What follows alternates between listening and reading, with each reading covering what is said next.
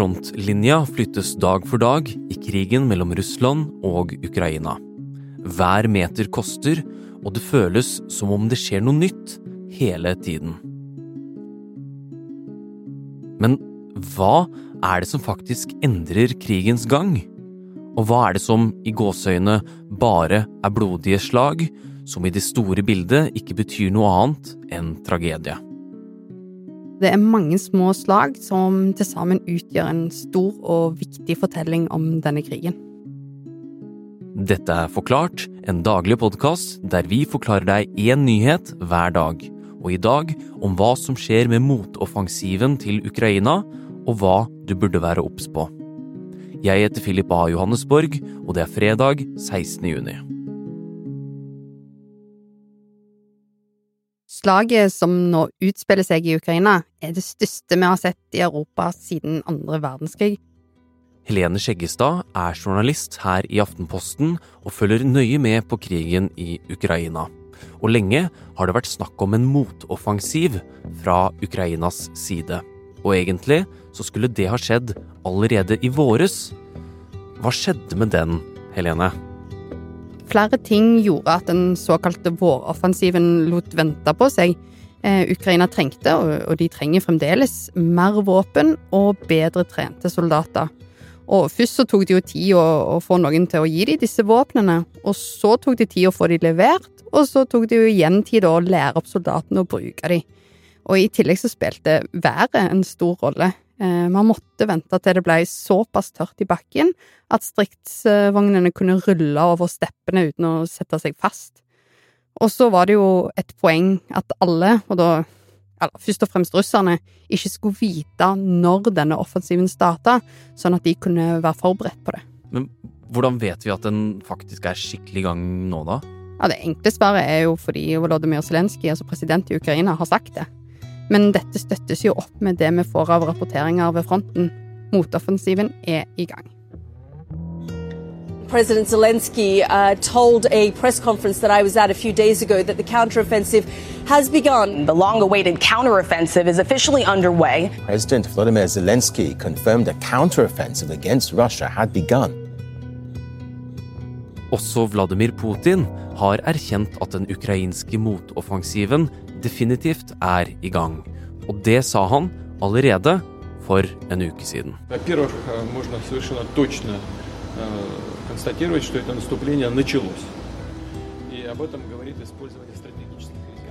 Ukrainerne de angriper i områdene Zaporizjzja og Donetsk. Og hvis man da ser for seg kartet over Ukraina, så ligger disse områdene i sør og litt lenger nord i øst. Og her skal de da ha tatt sånn ca. 90 kvadratkilometer og syv landsbyer. Det høres ikke så veldig mye ut, kanskje, og, det er egentlig ikke heller det. Eh, og det handler om at denne motoffensiven fremdeles er i en innledende fase. Eh, vi ser at ukrainerne de angriper flere steder, og det gjør de egentlig av to grunner. De skal teste det russiske forsvaret og finne ut hvor de er svake og hvor de er sterke. Og så har de lyst til å skape litt forvirring om hvor et stort hovedangrep eh, kommer til å komme. Eh, og dette hovedangrepet det kan bli helt enormt, med hundrevis av stridsvogner og titusenvis av soldater. Men disse små angrepene her, da, som vi ser som ikke er i den skalaen i hele tatt, de er jo like fullt reelle, og de er like fullt blodige. Og ukrainerne de angreper nå i hovedsak langs tre akser, og det har gått både bra og dårlig.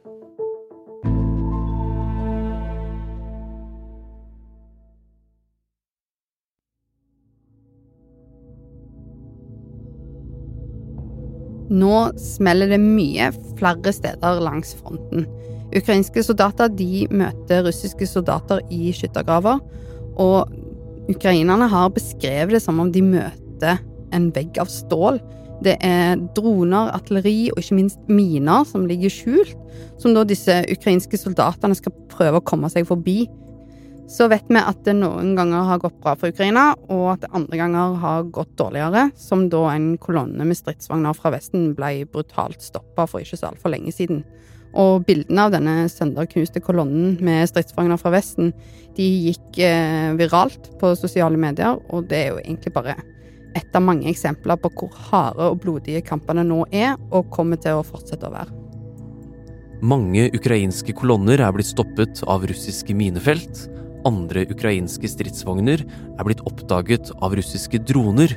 Og plutselig blir ukrainerne utsatt for et bakholdsangrep. Alt dette gjøres for å flytte Russlands frontlinje, noe som har vært Ukrainas mål siden februar i fjor. Og i løpet av det året så har det vært både viktige og mindre viktige slag. Et viktig slag, det er jo et slag som flytter fronten den ene eller den andre veien, eller at slaget får en slags betydning utenfor seg sjøl. Og jeg skal prøve å forklare litt. Um, I fjor høst så overraska ukrainerne russerne med et angrep i Kharkiv i nord. Russia has confirmed it is pulling back forces from two areas in the Kharkiv region. Ukraine appears to have won the battle for its second biggest city, Kharkiv. Og det var så overraskende at de nesten bare kunne rulle inn. Og det var langt ifra det blodigste slaget. Men det var jo veldig viktig, for Ukraina fikk for det første gjenerobra mye av eget land. Og så fikk de jo en enorm PR-boost, og de skremte jo russerne skikkelig. Og så har vi jo et eksempel på et slag som har fått betydning utover seg sjøl, og det er jo slaget om Bakhmut. Det ble en prestisjekamp for begge land, og er det fremdeles, selv om egentlig byen har begrensa strategisk betydning. And the stunning images coming in this evening in this ferocious battle for Bakhmut. What the new drone video shows, with Ukrainian fighters in the trenches pushing back Russian forces. Og så på den andre sida, så ser vi jo jevnlig direkte blodbad som er absolutt tragiske i form av tapte menneskeliv, men som ikke flytter fronten da, eller påvirker debatten noe særlig, og derfor ikke blir omtalt som et viktig slag, da. Helene, du følger jo nøye med på dette hver dag. Hvordan ser du forskjellen på de viktige og mindre viktige hendelsene?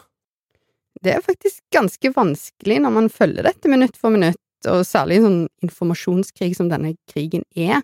Det er jo så mye eh, informasjon der ute som bare Ja, den stemmer ikke, og den motsier hverandre, og, og i det hele tatt det er vanskelig å navigere. Men på samme tid så ser man jo fort om et angrep tar av i sosiale medier, og så blir kommentert av offisielle kilder. Og da er det egentlig bare å gå til førstehåndskildene og lese og lese og lese. Og så skal Helene og journalister som henne sortere ut hva som er virkelig viktig og mindre viktig, til dere som hører på eller leser. Og det er nå, mens det største slaget i Europa siden andre verdenskrig pågår, at det blir ekstra vanskelig. Og da ser man kanskje spesielt nøye etter hva som kan være en viktig seier for Ukraina. Ukraina brukte mye tid før de var klare for å sette i gang denne offensiven, og det var ikke bare bra. For det første så fikk jo russerne bedre tid til å forberede seg. Og for det andre så ble jo denne motoffensiven ekstremt hypa. Og derfor har vi jo sett at Zelenskyj og co. har forsøkt å dempe forventningene litt. Men buen er jo allikevel spent, da, og en seier for Ukraina det er å gjenerobre så mye av eget land som overhodet mulig. Men hva kan Ukraina egentlig forvente å få til, da? Det er et veldig godt spørsmål, og det er jo her det blir spennende. For vi vet ikke. Eh, vi vet mye om hva Ukraina har fått, men ikke om hvordan de kommer til å bruke det utstyret de har fått, og ikke minst når de kommer til å bruke det. Og det vi vet minst om, er hvor godt forberedt Russland er. Altså, vil de russiske soldatene rømme hals over hode med en gang ukrainerne kommer, eller har de klart å organisere seg og, og bygge skikkelig gode forsvarsverk? Um, det som er helt sikkert, er jo at de ikke har tenkt å trekke seg ut uten motstand. Og nå er denne motoffensiven altså i gang. Eh, hva skjer nå? Ja, nå skal ukrainerne møte en rekke russiske forsvarsverk. Først er det noen sånn litt sånn enkle skyttergraver, litt miner. Eh, de skal sikkert bli litt skutt på. Eh, og så kommer de til å møte det vi kaller for Putin-linja. Ja, og Putin-linja er et stort forsvarsverk i mange linjer. Vi snakker om russiske skyttergraver på rekke og rad, med miner, artilleri og med tunge gjenstander som hindrer tanks i å ta seg videre. En slags forsvarslinje som skal beskytte landet Russland, og det har blitt omtalt som et av de største forsvarsverkene siden andre verdenskrig. I verifiserte videoer fra fronten ser man hvordan ukrainske soldater sakte, men sikkert angriper russiske skyttergraver. Men den store prøvelsen ligger foran dem. Nettopp denne Putin-linja. Og det de skal prøve å gjøre, og det de gjør nå, er at de tester ut hvor denne Putin-linja kan være svakest. Så er målet å komme gjennom den og brette seg ut på andre sida og omringe russerne og dytte de ut av Ukraina. Men Helene, hvor sterke er Russland i Ukraina nå? Hvor vanskelig blir det? Vi vet ikke helt. Eh, vi vet de har hatt enorme tap i ledelsesleddet i militæret.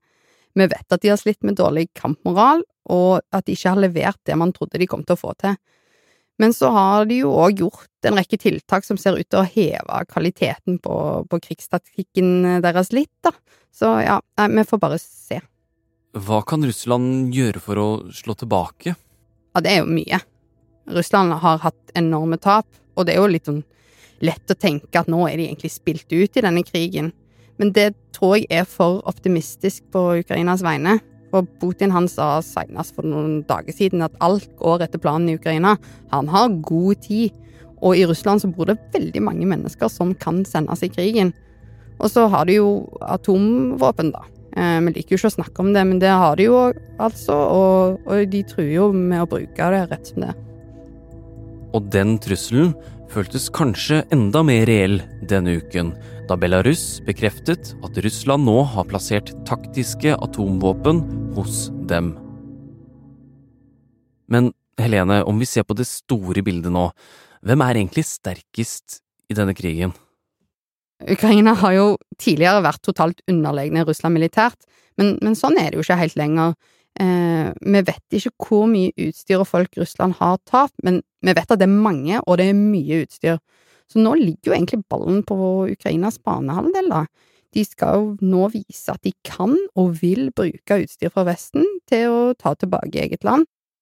De neste ukene så vil mye avgjøres av faktorer vi ikke kan se. Eh, krigslist, for eksempel. Hvordan er det noen som klarer å lure fienden til å tro at de kommer til å angripe et annet sted enn det de egentlig gjør? Eh, samarbeid blir viktig. Hvordan klarer de ulike enhetene innenfor et militær å samarbeide om et koordinert angrep? Og så har vi jo kampvilje, da. Er du villig til å dø i denne krigen? Og det har jo Ukraina nok av. Ja, det har jo vist seg at de har hatt høyere kampmoral enn en russerne, men, men, det spørs jo fremdeles om, om russerne kanskje har klart å snu det, da, og klart å samle seg og mobilisere nok til å stå imot disse ukrainske angrepene. Men ja, hvis jeg skulle ha satt pengene mine på noen, så hadde jeg satt de på de som har noe å kjempe for. Altså sitt eget land.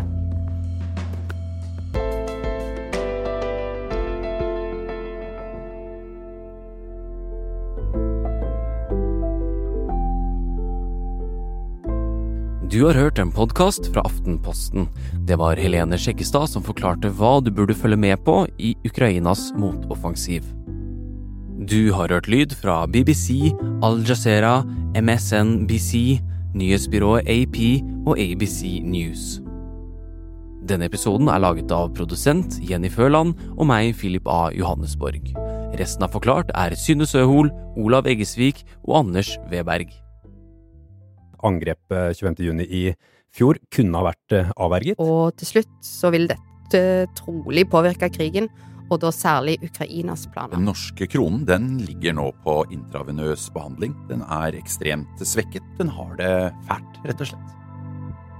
Hver dag forklarer vi én nyhetssak for deg, så du slipper å lese gjennom alle nettavisene selv. Og det skal vi også gjøre i hele sommer. Mens andre har ferie, så fortsetter Forklart med to episoder i uken gjennom hele sommeren. Og det gjør vi fra 19. juni og ut juli. Alle episodene er fortsatt helt gratis. Og følg oss gjerne i Spotify eller der du hører på podkast, så får du alltid vite når en ny episode er ute. God sommer!